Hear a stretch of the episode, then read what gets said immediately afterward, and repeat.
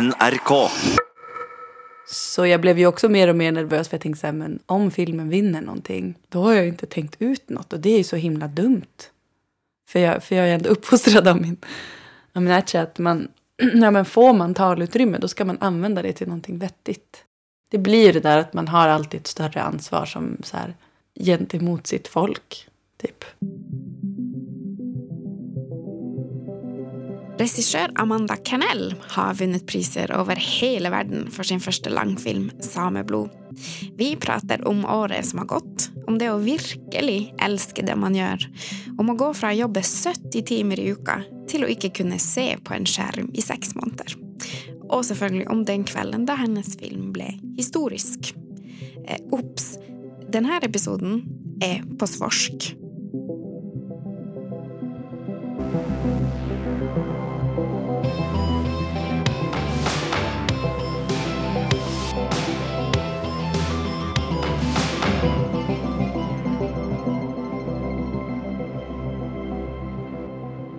Men eh, vill du säga vad du eh, åt på den här världsberömta Kautokeino hotellfrukosten? Den har Ja. fått pris. Ja, det var ju fantastisk. Var det? Ja, har du ätit det? Jo. Jag åt, jag åt faktiskt pannkakor. Nej. Och eh, olika smoothies och stekt ägg och mango. Man tänker så oj, det är vissa saker jag flyger långt för att komma till Kautokeino för att jag ska få äta det här till frukost. Det är så konstigt att jag aldrig har varit här, men jag har ju det har ju varit sedan man var liten att så här, ja, Kautokeino, liksom, det där, det är som nästan, det känns ju som så här, Sápmis huvudstad. Bara för att man alltid har vetat att så här, där pratar kan man liksom Ja, där finns samer i alla funktioner i samhället. Och, Ja.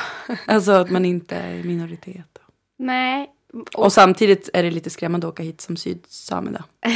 Nej. Varför det? Ja, men för då är man ändå i minoritet. Eller du vet, det blir ändå så här äh, att man, så här, man är ju inte en riktig sam. Eller ja, så tänker jag att folk kanske ser på en då. Det, det, det säger du. Men så är det inte. Så tänker man nog inte. Nej, men vad skönt. Jag har alltid velat åka hit, men det, jag har ju också varit lite orolig för så här, tänk om jag känner mig utanför, för att då skulle, det skulle vara lite sorgligt. När det alltid har varit så här, på danska säger man det för gerilen. Alltså att det har varit, ehm, inte paradiset, men man har tänkt så här, åh, tänk i Kauto, där är det liksom. att det fin- någonstans finns det en, du vet, som en, en stad där det, bara- där det bara är samer. Att man inte behöver förklara. Ja. Mm. Och då skulle det vara sorgligt om jag kom hit och kände mig utanför tror jag. Mm. För det, gör man ju, det kan man göra hemma. Det, kan man. det tror jag inte du behöver oroa dig för. Nej men det är ju, det känns, går bra hittills. Det kan... Ehm, för jag upplever i alla fall att folk är väldigt inkluderande. Mm. Men kan du berätta lite om var du är född och uppvuxen? Mm. Jag är född i Umeå. Ehm, I Västerbotten. I Sápmi. Ehm, mm. Och bodde i eh, en by som heter Bjärnsjö. Tills jag började skolan ungefär. Eh, Då flyttade vi in till Umeå. Och ehm, min ärtje är från Storuman. Vill du, du, när, det, när det nu är en samisk journalist som frågat dig, vill du veta mina Ja, släktingar? men det, är så Är det man, det? det är så man presenterar sig. Ja men jag vet, och så var jag så här, fast det var inte det du frågade, eller var det det du frågade? för egentligen frågade du var jag var född. Men din far från Storuman. Mm. Och eh, min farmor är från Ammarnäs och min farfar är från så Vilhelmina norra området. Tegelträsk. Eh, ja, du har ju haft ett helt eh, enormt år. får Mm. man ändå säga. Men hur mår du just nu? Börjar du bli friskare? För du har haft en hjärnskakning. Mm. Eh, ja, nu, är jag, nu har de upptäckt vad som var fel i nacken, översta nackkotan och så där som har hamnat snett. Då. Så nu har de börjat rätta till det. Jaha, det var något fel. Det var inte bara hjärnskakning. Ja, jag skadade nacken. Mm. Jo, nej men så nu kan jag, nu kan jag jobba igen. Ehm, om, även om jag måste ta det lite lugnare. Och det är jättekul att få skriva igen. Och det har jag också längtat efter. Det har varit fantastiskt att resa runt med sameblod i världen. Men att vara... Alltså ingenting slår ju ändå att få vara kreativ, tror jag. Alltså det är ändå ännu roligare att skapa. Och sen kanske ännu, ännu roligare att få skapa tillsammans med andra. Alltså när man skriver är man ju mer själv då. Men, men jag tycker om att, att det växlar sådär. Jag skulle inte tycka om att bara vara manusförfattare för det skulle bli för ensamt. Men jag skulle inte heller, tror jag, vilja vara på inspelning jämt. För det är ju som att springa ett maraton. Alltså det suger ju musten ur en, även om det är väldigt roligt och spännande. Så det är så skönt att, det, att man får växla. Mm. Och just nu tycker jag det är jätteintressant att skriva. Och få göra intervjuer och bli klokare på eh, livet och vad det är att vara människa. Och så här, psykologiska mekanismer och så. Vad då? Hur ser det ut när du jobbar? Alltså du säger att du intervjuar. Mm. Du gör alltså research till en ny eh, produktion. Ja, jag, till två faktiskt samtidigt. Ehm, så jag skriver på en långfilm som jag snart har skrivit färdigt eh, som handlar om en vårdnadstvist. Och eh, till den gör jag intervjuer. Mm, med personer som har varit i väldigt liknande situationer som det är i filmen. Alltså nu, alla filmer jag gör bygger ju eh, i grunden liksom på personer i min när, absoluta närhet och familj och sådär. Men sen ju mer jag jobbar med dem, ju mer vill jag prata med andra som har varit i olika liknande situationer. Eller det kan finnas liksom olika aspekter kanske av olika karaktärer och deras dilemman och så som, som jag behöver fördjupa mig i. Eh, Med Samblod var det ju också mer historiskt såklart. Alltså med nomadskolorna och vilka psalmer sjöng man och sådär. Mm. Sådana liksom helt konkreta saker. Jag, jag intervjuar många äldre samer om som har gått på nomadskolan. Men det handlade också mer om liksom existentiella och kanske mer liksom filosofiska frågor omkring så här, var känner de sig hemma och Mm. de som har lämnat allt och inte återvänt till den platsen de kom ifrån på nästan ett helt liv. De har ju frågat så här, vilka ögonblick saknar du därifrån och om du återvände, vad skulle du vilja se och hur tror du att det skulle vara? Alltså det kan vara sådana mer liksom som om-frågor också. Mm. Att det inte bara handlar om exakt så som det har varit utan det kan vara mer att så här, hur skulle det kunna ha varit eller ja, hur skulle du ha agerat Mm. i en fiktiv situation som liknar filmens. Eh, Så, så, um, Hur det, det är liksom konstnärlig research. Förstå? Det, det inte, blir inte som konkret, så konkret som kanske forskning är då. Men det Nej. är som en slags forskning. Men det blir då grundlaget för din, eh, ditt manus sen då eller? Eller hur lång är den processen att du intervjuar?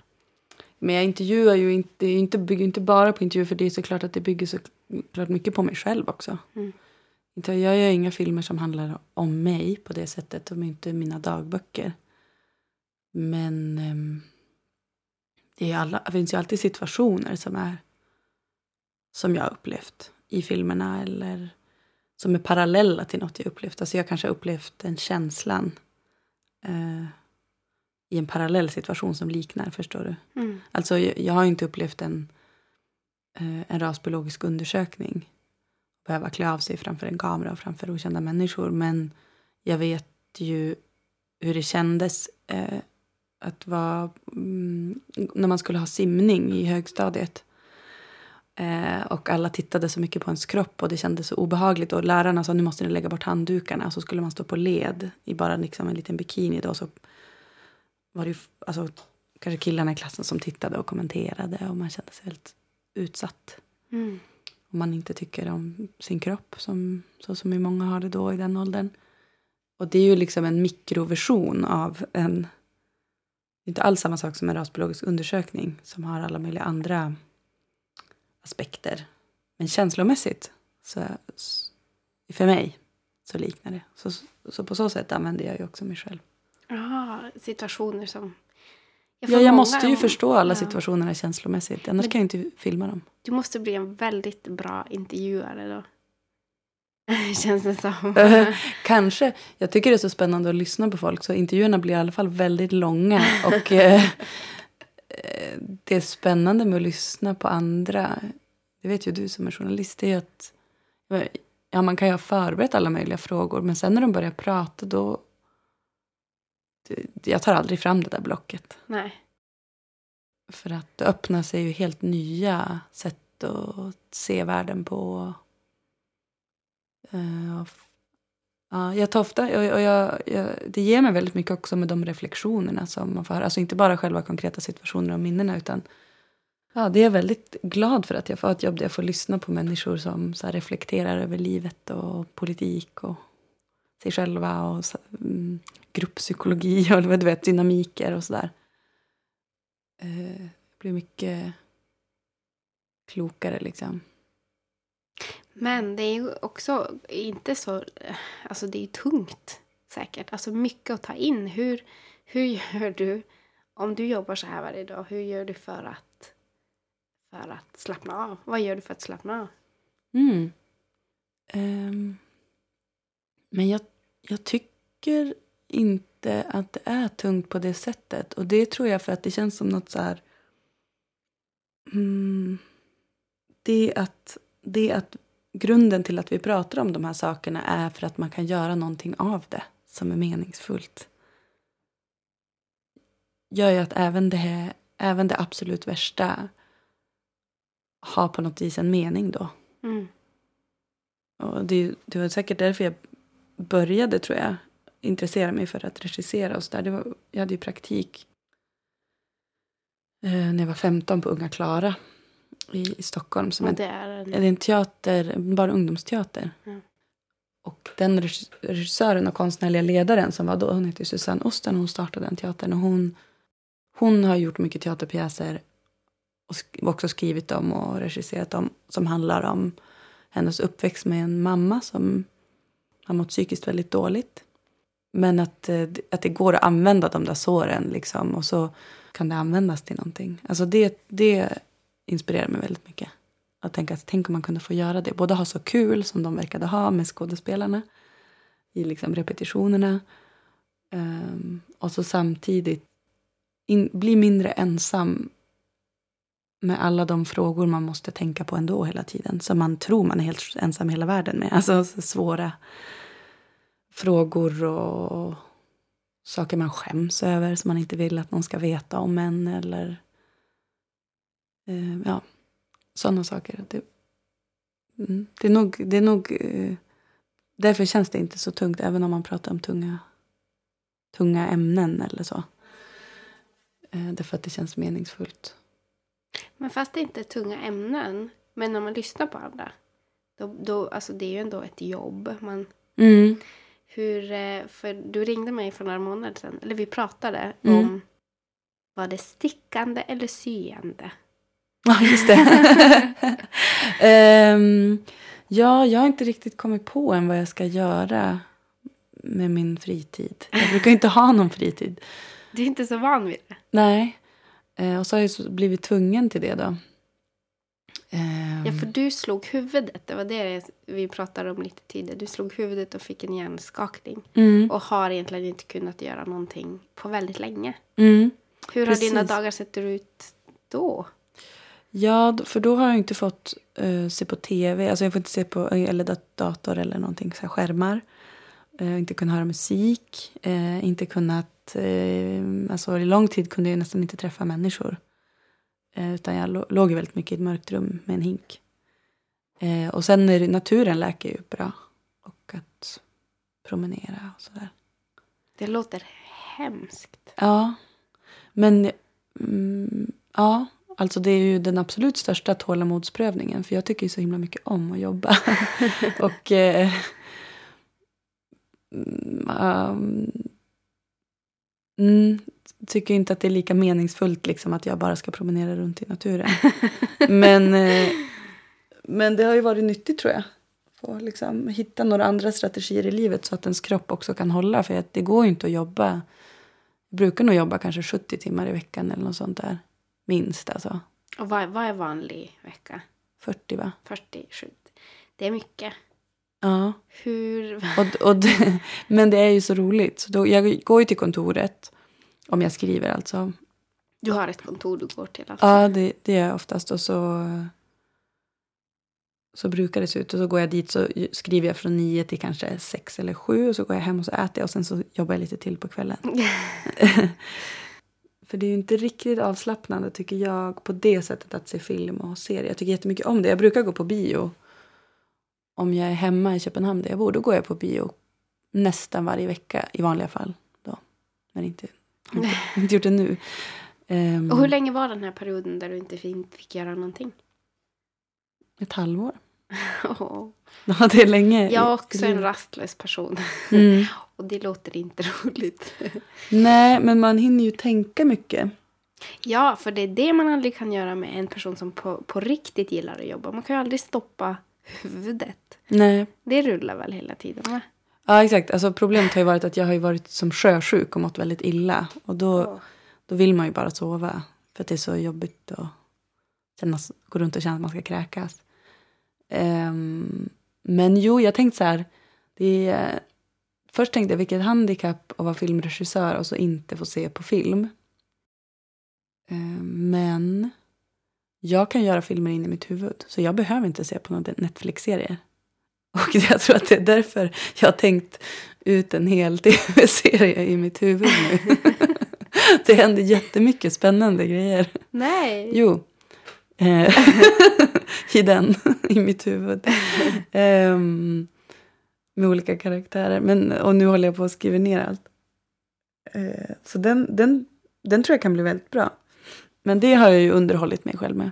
Alltså det går ju faktiskt bara att blunda och så kan man ju se framför sig att ja, nu har det nyss varit jul i, i den här serien i mitt huvud. Nej. Ehm, ja, du vet, det är olika kärleksintriger och Ah, så du har egentligen, den här processen var lite annorlunda än vad det brukar vara. Den började, du började rita i huvudet kanske först, eller? Ja, på sätt och vis, fast faktiskt började jag med att skriva den. Mm. Min, min mammas man fick en um, hjärtinfarkt. Och jag var där då. Oj. Och, då, och så kom ju ambulansen, vi ringde ambulansen och, och hämtade honom och så körde vi bi- bakom då. Ja, jag väntade lite men jag åkte med sen då till sjukhuset och så, satt, så var han ju på hjärtintensiven, han klarade sig och sådär. Men vi var ju, han var ju tvungen att vara på hjärtintensiven på någon slags övervakning i flera dygn. Och där inne fick man inte ha med sig mobiltelefon eller så. Och jag är väldigt sjukhusrädd. Eh, så jag tyckte det var väldigt obehagligt. Alltså, vi åkte hem och sov men vi satt ju som hela tiden och väntade på nya resultat och nya undersökningar i någon slags väntrum. Eh, och då började, men jag hade med mig en anteckningsbok så då började jag skriva på eh, på den här historien om en som börjar med att det är en pappa som dör. Det här är ju min styvpappa eller man ska säga och han dog ju inte. Men eh, det var väl antagligen för att jag tänkte på det, att så här, vad hade hänt i så fall och så. Eh, tänkte på döden och hur man ska hantera det och vad, liksom, och allt det. Och, alltså både, faktiskt, just då tänkte jag inte så mycket på sorgen. Det är mer att jag började tänka på att ja, det är klart det handlar om det nu. Men kanske i början tänkte jag mer på ja, men hur blir det med allt? Du vet, man tänker så här praktiskt. Ja. hur ska man lösa allt då? Ehm, mm. Ja, så, så kan det också dyka upp i det. Det där var ju bara någon så här självbevarelsedrift för jag tyckte att det var så obehagligt. Så då satt jag bara och skrev helt maniskt hela dagarna. Mm.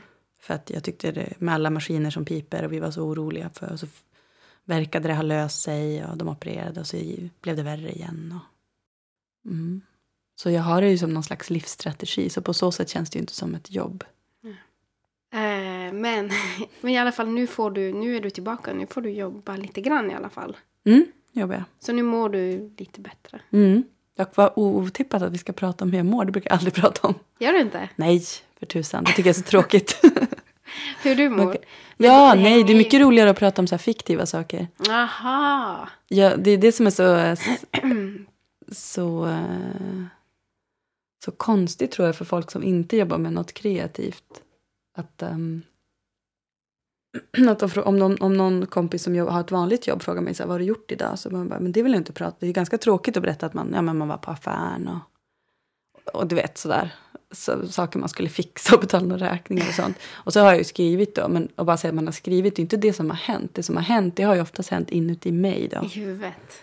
just nu, det som hände igår till exempel, inuti mitt huvud. Eh, det var att i den här vårdnadstvist-historien så dök det upp en trollkarl. Nu låter det som att jag är helt galen. Nej men alltså de är på en charterort på ett sånt där all inclusive hotell. Eh, så är det ju någon slags underhållning där.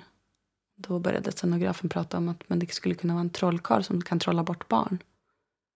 De har en sån där kista, du vet, som Mm. de får kliva ner i och så är barnet borta. Och sen när han ska trolla fram det igen så kommer det inte tillbaka. eh, och så vet man inte om det är bara att han är bra skådespelare, trollkarlen alltså.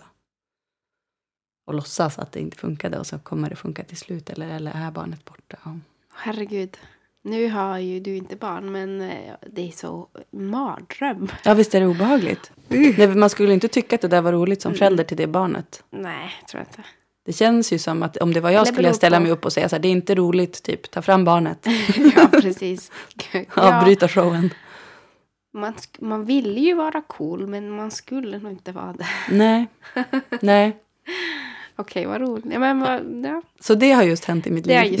liv. Men jag vet inte. Jag tror det kommer komma med i filmen. Men eh, saker kan det kan ju hända mycket. Vi ska ju först filma om ett år.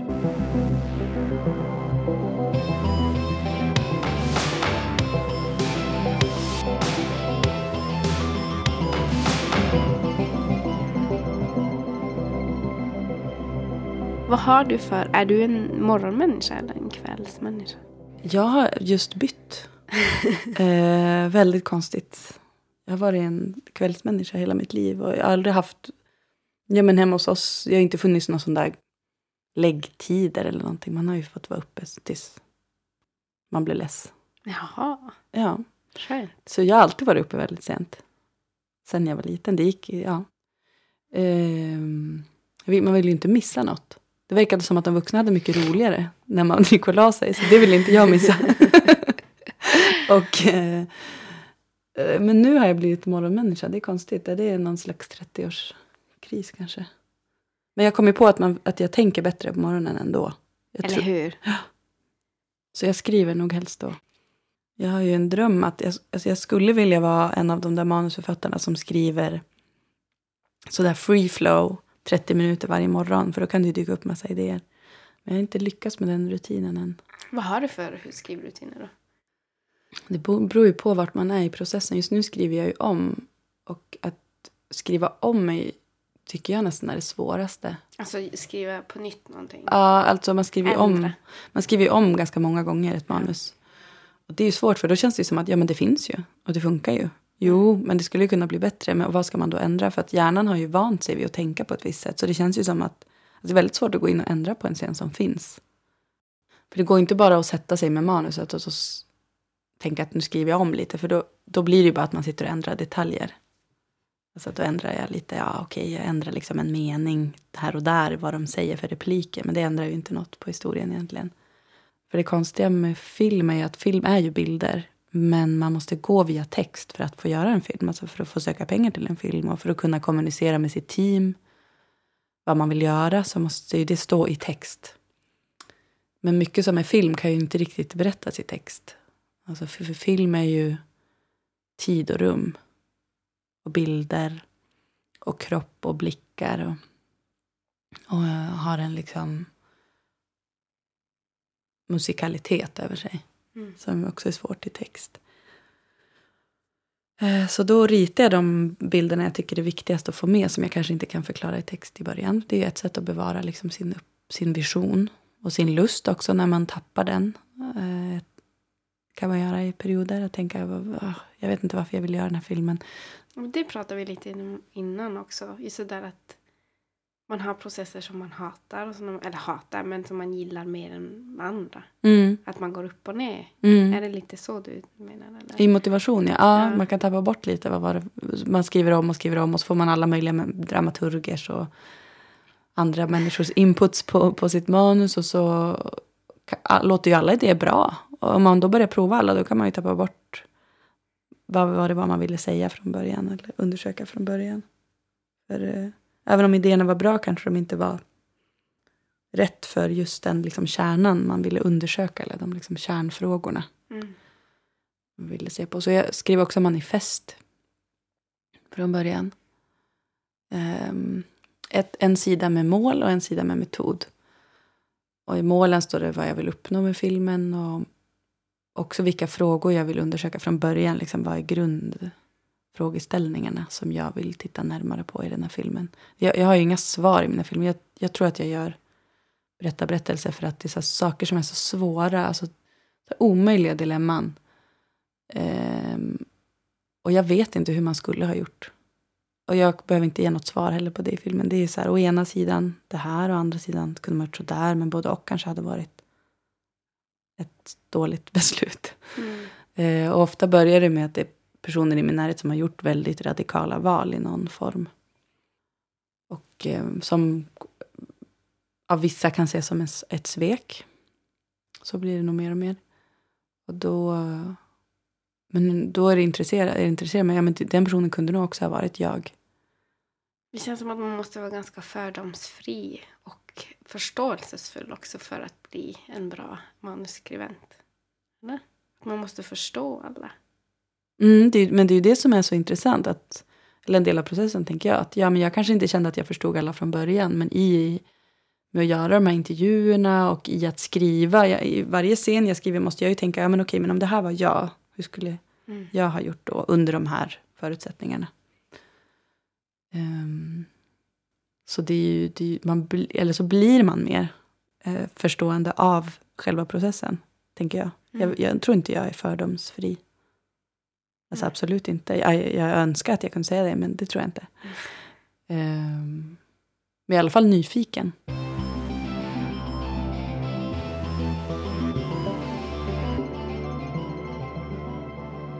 Jag tror nyfiken är så viktig för så många olika yrken. Mm. Faktiskt. Mm. För egentligen de flesta. Mm. Ja men säkert. Och sen kan man ju känna sig ett, lite jobbig. Nyfiken. Fråga folk för mycket. Alltså min favoritdel. För det tar lång tid att göra film. Det tar flera år, eller hur? Mm. Hur lång tid tog Sameblod till exempel? Ja, jag började ju skriva på den i filmskola, på filmskolan. Det gick sista året, 2013. Vid jul, tror jag. Eh, då började jag skriva på den konkret. Men jag har ju pratat om att jag vill göra film om det här sen jag började göra film när jag var 18, 19. Um, men det kändes som ett för stort ansvar. Eller jag kände att jag var ju tvungen att först lära mig göra film på riktigt så att det blev bra. Jag kunde inte, jag kunde inte göra en film om liksom, nomadskoletiden och koloniseringen av hjärnan. Eh, och mm, sådana svåra frågor. Och, och, som också blir så här historieskrivning. Att mm. göra den filmen, även om det är fiktion. Kände att jag var skyldig min familj som har gått nomadskolan. Och, um, också varit en stor inspiration till filmen att det blev bra då. Då skulle det bli en riktigt, riktigt bra film. Det får inte bli en så halvdålig film som ingen ser. Eller du vet. Det är som när man får, får körkort. Mm. Då vill man inte köpa en, en ny bil, första bilen man Nej. kör. Man vill köpa den som man får backa i lite grejer ja. och det är helt okej. Okay. Ja men exakt. Ja, så jag har gjort massa kortfilmer om andra saker men jag har nog vetat att jag skulle, eller jag har vetat att jag skulle ta tag i det där en dag. Och sen var det svårt också att begränsa sig. I vilket tidsutsnitt ska man jobba då? Eh, eller, och hitta början och slutet. Mm. Eh, men den här berättelsen kom också från din, din släkt. Mm. Och jag brukar inte prata så specifikt om exakt, exakt vilka för att det, de här historierna finns ju i alla släkter tror jag. Ja, och, och ja, och, det, och jag har pratat med så många andra också, alltså mm. intervjuat så många andra. Så den är ju gjord som ett öppet verk, alltså på så sätt att den kräver ju lite av tittarna att man ska själv lägga in sig själv, eller vad jag ska säga, fylla på själv. Mm. Med så här, hon pratade inte, huvudrollen pratar inte om vad hon tänker på eller vad ska jag säga, med någon, men man kan ju själv fylla i. Mm. Utifrån vem man själv är och tänker och sådär. Uh, och film är ju inte alltid så. Film kan ju vara ett ganska sluten konstform. Alltså jämfört med Alltså att folk bildkonst. säger allt som ska kännas. Ja, det är liksom ett avslutat verk. Man behöver inte fundera så mycket själv helt enkelt. Man blir serverad allting. Ah. Och uh, till skillnad från typ bildkonst eller så som är mer öppet. Där ska du ju själv som betraktare det är liksom i mötet mellan dig och verket som verket blir till någonting. Mm. För det beror på vad det blir till för dig, eller vad det betyder för dig. Och så är ju inte film så ofta. Men det går ju att göra film så. Alltså Sameblod, det är ingen svår film att förstå eller någonting. Den är ju som, jag ville göra en film som var spännande och underhållande och sådär. Men ehm, Men eh, på ett djupare plan, och där tror jag kanske en samisk publik eh, eller en annan publik som andra publik från andra urfolk eller från andra liknande erfarenheter fyller i mer kanske på, på fler plan. Jag tror, jag tror därför tror jag filmen blir ganska olika beroende på vem som ser den faktiskt. Vad man fångar det. upp liksom. Ja just det, som du säger att huvudperson kanske inte alltid säger allt men vissa förstår och vissa förstår på ett helt annat nivå. Mm. Eller alla förstår men det finns olika nivåer. Vissa lägger in mer grejer för mm. att de känner igen det. Ja, för jag känner så här, jag har lagt in alla mina tank, tankar och funderingar jag har, men de är inte uttalade, så det blir som att det, det, jag vet ju inte vad det är som folk fångar upp, men förhoppningsvis de saker jag funderat på. um, men det är lite läskigt att lämna ett verk öppet på det sättet, för om folk inte investerar och funderar själva, då, då blir det ganska tomt. Då, då blir det lite ihåligt. Mm. Um, det var ju en ganska historisk kväll Guldbaggegalan. Mm. Alltså den eh, svenska Amandaprisen blir det väl. Mm. Eh, Amanda, Amandaprisen. Ja, ja. Ja, ja, ja. Det är ju nästan något som man har drömt om som när man producerar ting. att man ska få gå upp röda mattan med, eh, med kolt. Eller med koltklänning. Eller med, alltså i det hela tatt. Mm. Och ni fick göra det, både du och Lena Cecilia. Och vann varsitt pris. Och filmen vann pris. Mm. Alltså det må ju ha varit obeskrivligt. Mm. Ja, det var fantastiskt. Jag... Ja, jag är glad att jag fick tacka folk. Även om det finns ju, listan på namn är så oändlig så det gick inte att nämna några namn. Men um, ja, också tacka de äldre som jag har fått prata med. Att det kändes som att det var mycket större än bara att bara få liksom erkännande för sitt filmhantverk och sitt konstnärskap. Att det just var sameblod och dessutom ett publikpris också. Eh, det gav mig ändå hopp om att säga, ja, men det kanske går att förändra eh, omvärldens attityder och för förståelse någonstans. Jag har ju, jag har ju tyckt att... Så min pappa har ju jobbat i snart 20 år med en samisk festival i Umeå där jag kommer ifrån, upp med i Och um, jag har ju sett honom jobba, kämpa för det i väldigt många år. Då. Um, men, i, men liksom engagemanget från svensk sida har ju inte varit särskilt stort. Alltså, det var det fantastiska. Alltså, det är ju konserter och konstutställningar och forskningsseminarium. Och... Men det är som att mina svenska vänner i Umeå, de går ju inte på det. För de tänker att så här, nej, men det är något samiskt. Typ. Det är nog inte för oss. uh, och det är ju också för en samisk publik. Alltså det har en, liksom en intern funktion den veckan. Men, uh, men det känns roligt med film, alltså med sameblod. Att man kan nå också alla möjliga andra som, för att det är en film och de bara tänkte att de skulle gå och se något på bio typ som gick. Och så, och så eh, kanske det kan leda till någon större liksom, förståelse och engagemang. Och inte bara för de redan frälsta liksom. Mm. Det kändes stort tänker jag med publikpriset. Jag tänkte så här, okej, okay, vilka är det som har röstat? För, för, för det, är, det, det, är inte bara Sápmi liksom. Även om det måste vara det till väldigt stor del. Nej, Känns som att folk har värmt upp med Jon Henrik och Mel Mello. Folk, det finns en röstningsrutin känns det som. Ja. Så här superengagemang. Det känns också väldigt fint. Jag var ju väldigt nervös när jag gjorde filmen. Att, men, även om jag har gjort film i tio år att jag kände så här, oj men. Tänk om folk är så här, men vem är hon? Hon är så ung, hon vet ingenting. Ska hon berätta om den här delen av historien? Hon levde ju inte då. Um, ja, jag var väldigt rädd att, att, att något skulle bli fel eller att framför allt så här att folk skulle känna eh, att det skulle vara äldre som kände sig missförstådda. Mm. För det gör ju så ont att bli missförstådd. Om du bara går helt spontant på din, hur det var för dig att sitta där.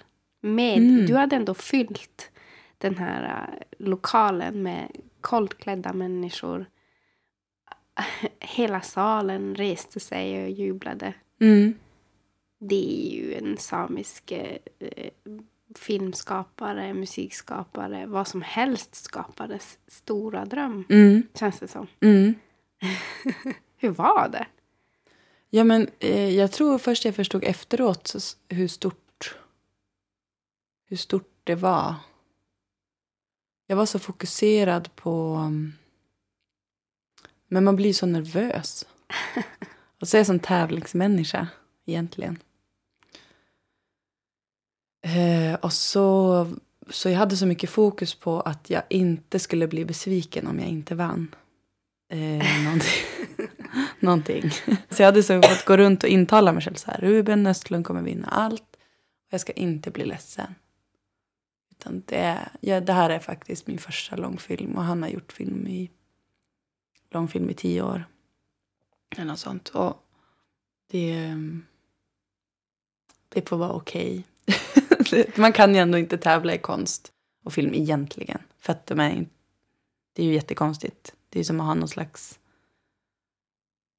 Ja, men, det är som att ha en tävling mellan helt olika djur eller någonting som ska tävla mot varandra. Alltså, vet, det är så konstigt. Man har ju inte... Kommer ju som från olika världar och berättelser och allting. Ehm, ja, så jag var ganska fokuserad på det. Och hade inte förberett ett tal. Eh, faktiskt. För att jag ändå är så vidskeplig då. Att då tänkte jag att nej men jag får inte förbereda ett tal för då kommer jag inte få vinna något. eh, man får inte liksom ta ut den segern i förskott.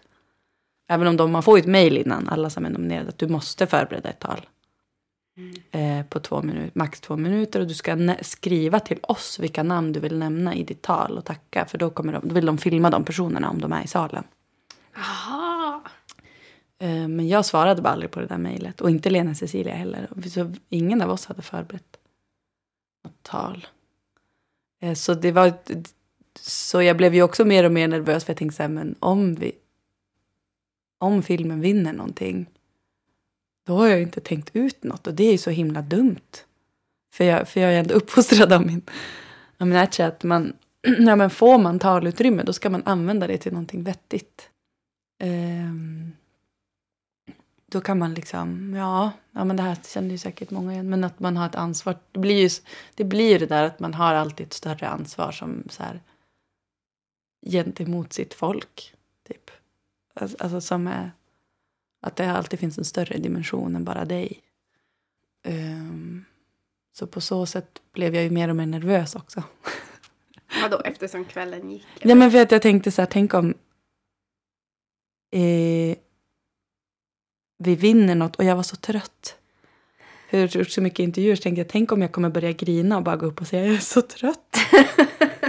jag har inte tänkt på något att säga. Förlåt. Ehm, ja, så jag satt väl och såg sådana mardrömsscenarion framför mig. Ja. Så jag var nog mer fokuserad på det. Det hade varit bra om man hade kunnat njuta lite mer. Men det är mer som en jätte, jätte anspänning.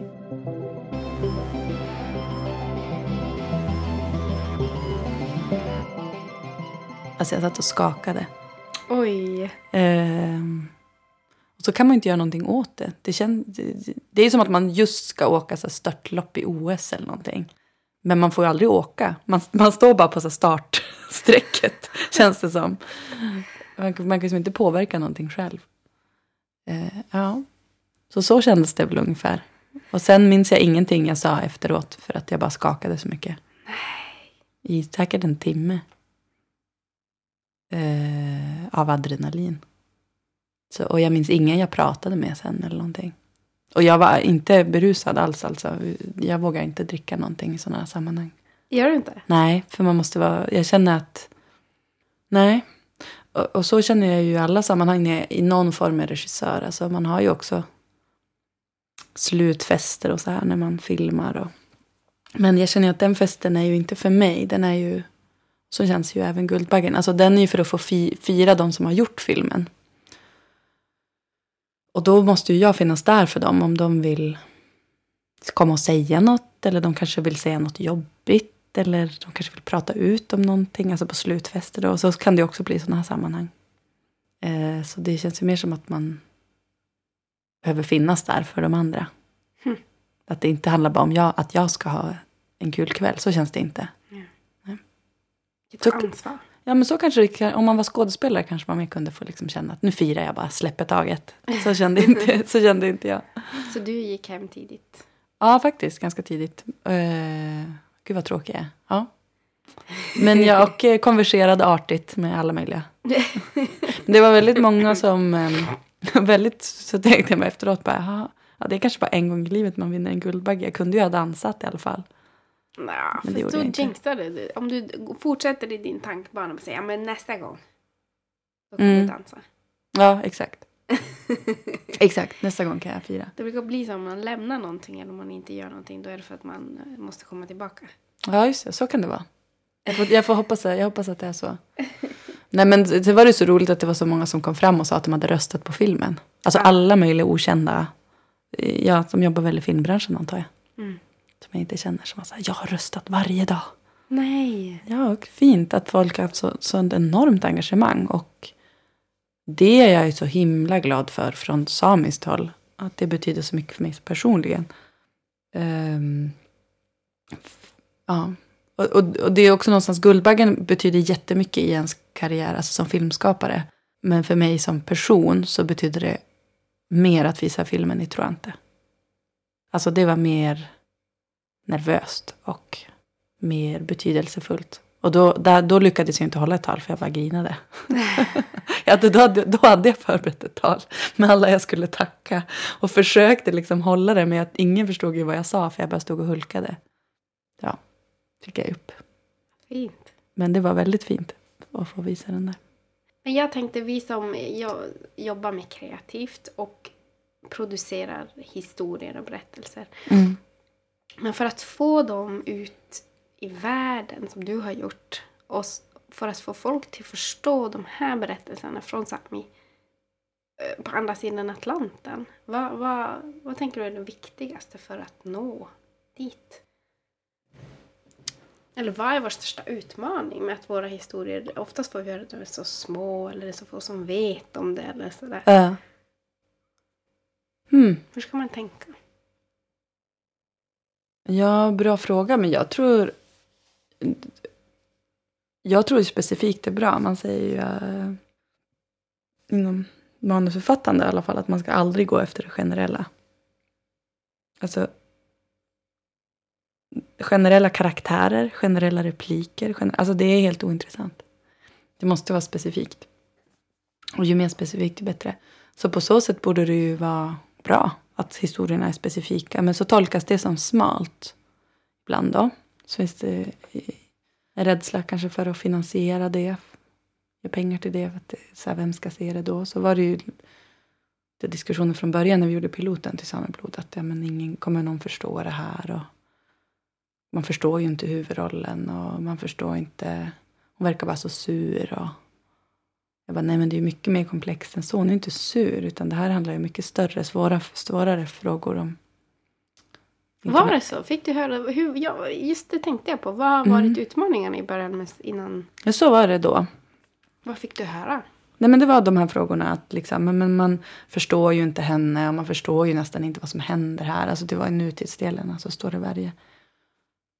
Och, och eh, ja, men hon känns så obegriplig och hon känns så sur och man kommer inte tycka om henne och så. Ehm, och ja, men ja, generellt att man, liksom, man, förstår, man, man förstår ingenting av den här filmen.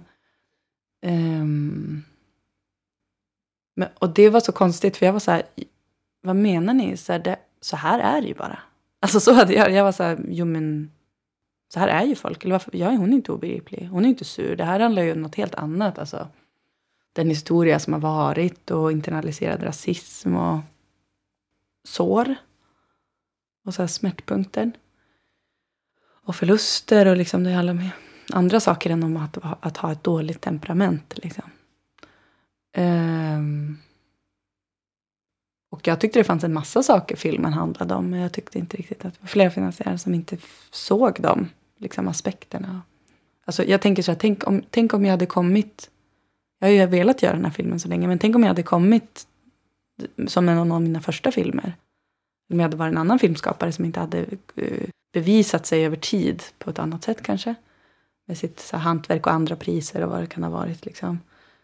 Um, som fick dem att få förtroende. Men då hade den historien kanske bara fallit bort. Som liksom svår att förstå och inte blivit gjord, tror jag. Så jag tror att där kanske är det största hindret. För sen, sen har det inte varit ett problem för folk att förstå den filmen. Eller, eller känna något eller känna för henne och så. där. Så det, det har ju mer att göra med att den okunskapen som, som finns överlag eh, i samhället, den finns ju också bland beslutsfattare. Men vad kräver det av den som är skapare? För att förklara? Ja, exakt. Nej, jag vet inte. För att jag kunde inte ha något, jag hade ju inga bra svar. Jag sa ju bara så här. Jag förstår inte vad ni menar. Så här är ju människor. Alltså så här, så här är ju personer i min familj. Jag, jag förstår inte hur ni tycker att de är så obegripliga. Alltså det, jag kände ju bara, våra världsbilder är så olika så jag vet inte vart jag ska börja. Vad är det viktigaste du tar med dig efter det här samebloddelen av ditt liv? Det, det kanske inte går att utvärdera på nu. Det kanske jag, det kanske jag kan formulera om... om um, fråga mig igen om fem, tio år. Mm. Jag, jag vet inte. Alltså, någonstans... Jag har lärt mig jättemycket som, alltså, som filmregissör. Och det gör man ju för varje film av både det som fungerar och sina misstag och scener som inte fungerar. Och, och sådär. Um, alla samarbeten man har. Men någonstans det, med den här filmen bär jag ju så mycket med mig alla samtal. Alltså både de jag hade innan för research. Och det, ibland handlade det ju mycket såklart om nomadskolan. Men ibland handlade det ju också om typ bara om vilka knivar vi skulle ha. För efter om det är 1933 och ja men du vet allt sånt där detaljer. Som, det skulle vara rätt och sydsamiskan, att det skulle vara 30-tal sydsamiska. Ja, men allt sånt, och alla samtal man har medan man gör scenerna. Alltså jag har aldrig varit med om att skådespelare brukar göra som man säger. Men dessa, alla samiska medverkande var väldigt mycket diskussion alltså. Är det så? Ja. Det är intressant, men jag tror att det var för att alla kände det som ett ägarskap till att det skulle bli rätt och att det blir ju en, ett historiskt dokument. Alltså man säger ju alltid när man gör film, på en filminspelning säger man ju alltid pain is temporary, film is forever. Och det motiverar ju en att jobba hårdare och att man kan liksom inte ge upp för att man blir blöt och kall eller vad det nu är som saker går fel. Utan man måste ju tänka på att det här dokumentet finns kvar för evigt. Och så känns det ju verkligen. Och det ansvaret tror jag också många av de medverkande kände på ett annat sätt än om man hade gjort en annan film med liksom professionella skådespelare. Liksom en romantisk komedi eller någonting. Eh, så ehm, ja, hur det har påverkat en, det vet jag. Det, det exakt kan jag inte svara på. Men det var väldigt stort nyligen. Um, så sa en av mina vänner att hennes mamma hade, hade nu sett sameblod två eller tre gånger. Hon har gått nomadskola och sådär. Um, och så ringde hon för att säga att men, sameblod har faktiskt förändrat mitt liv.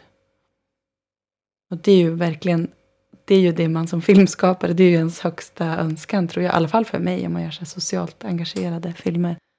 Eh, sa han att jo men det har ändrat mig för jag har alltid haft så svårt för svenskar.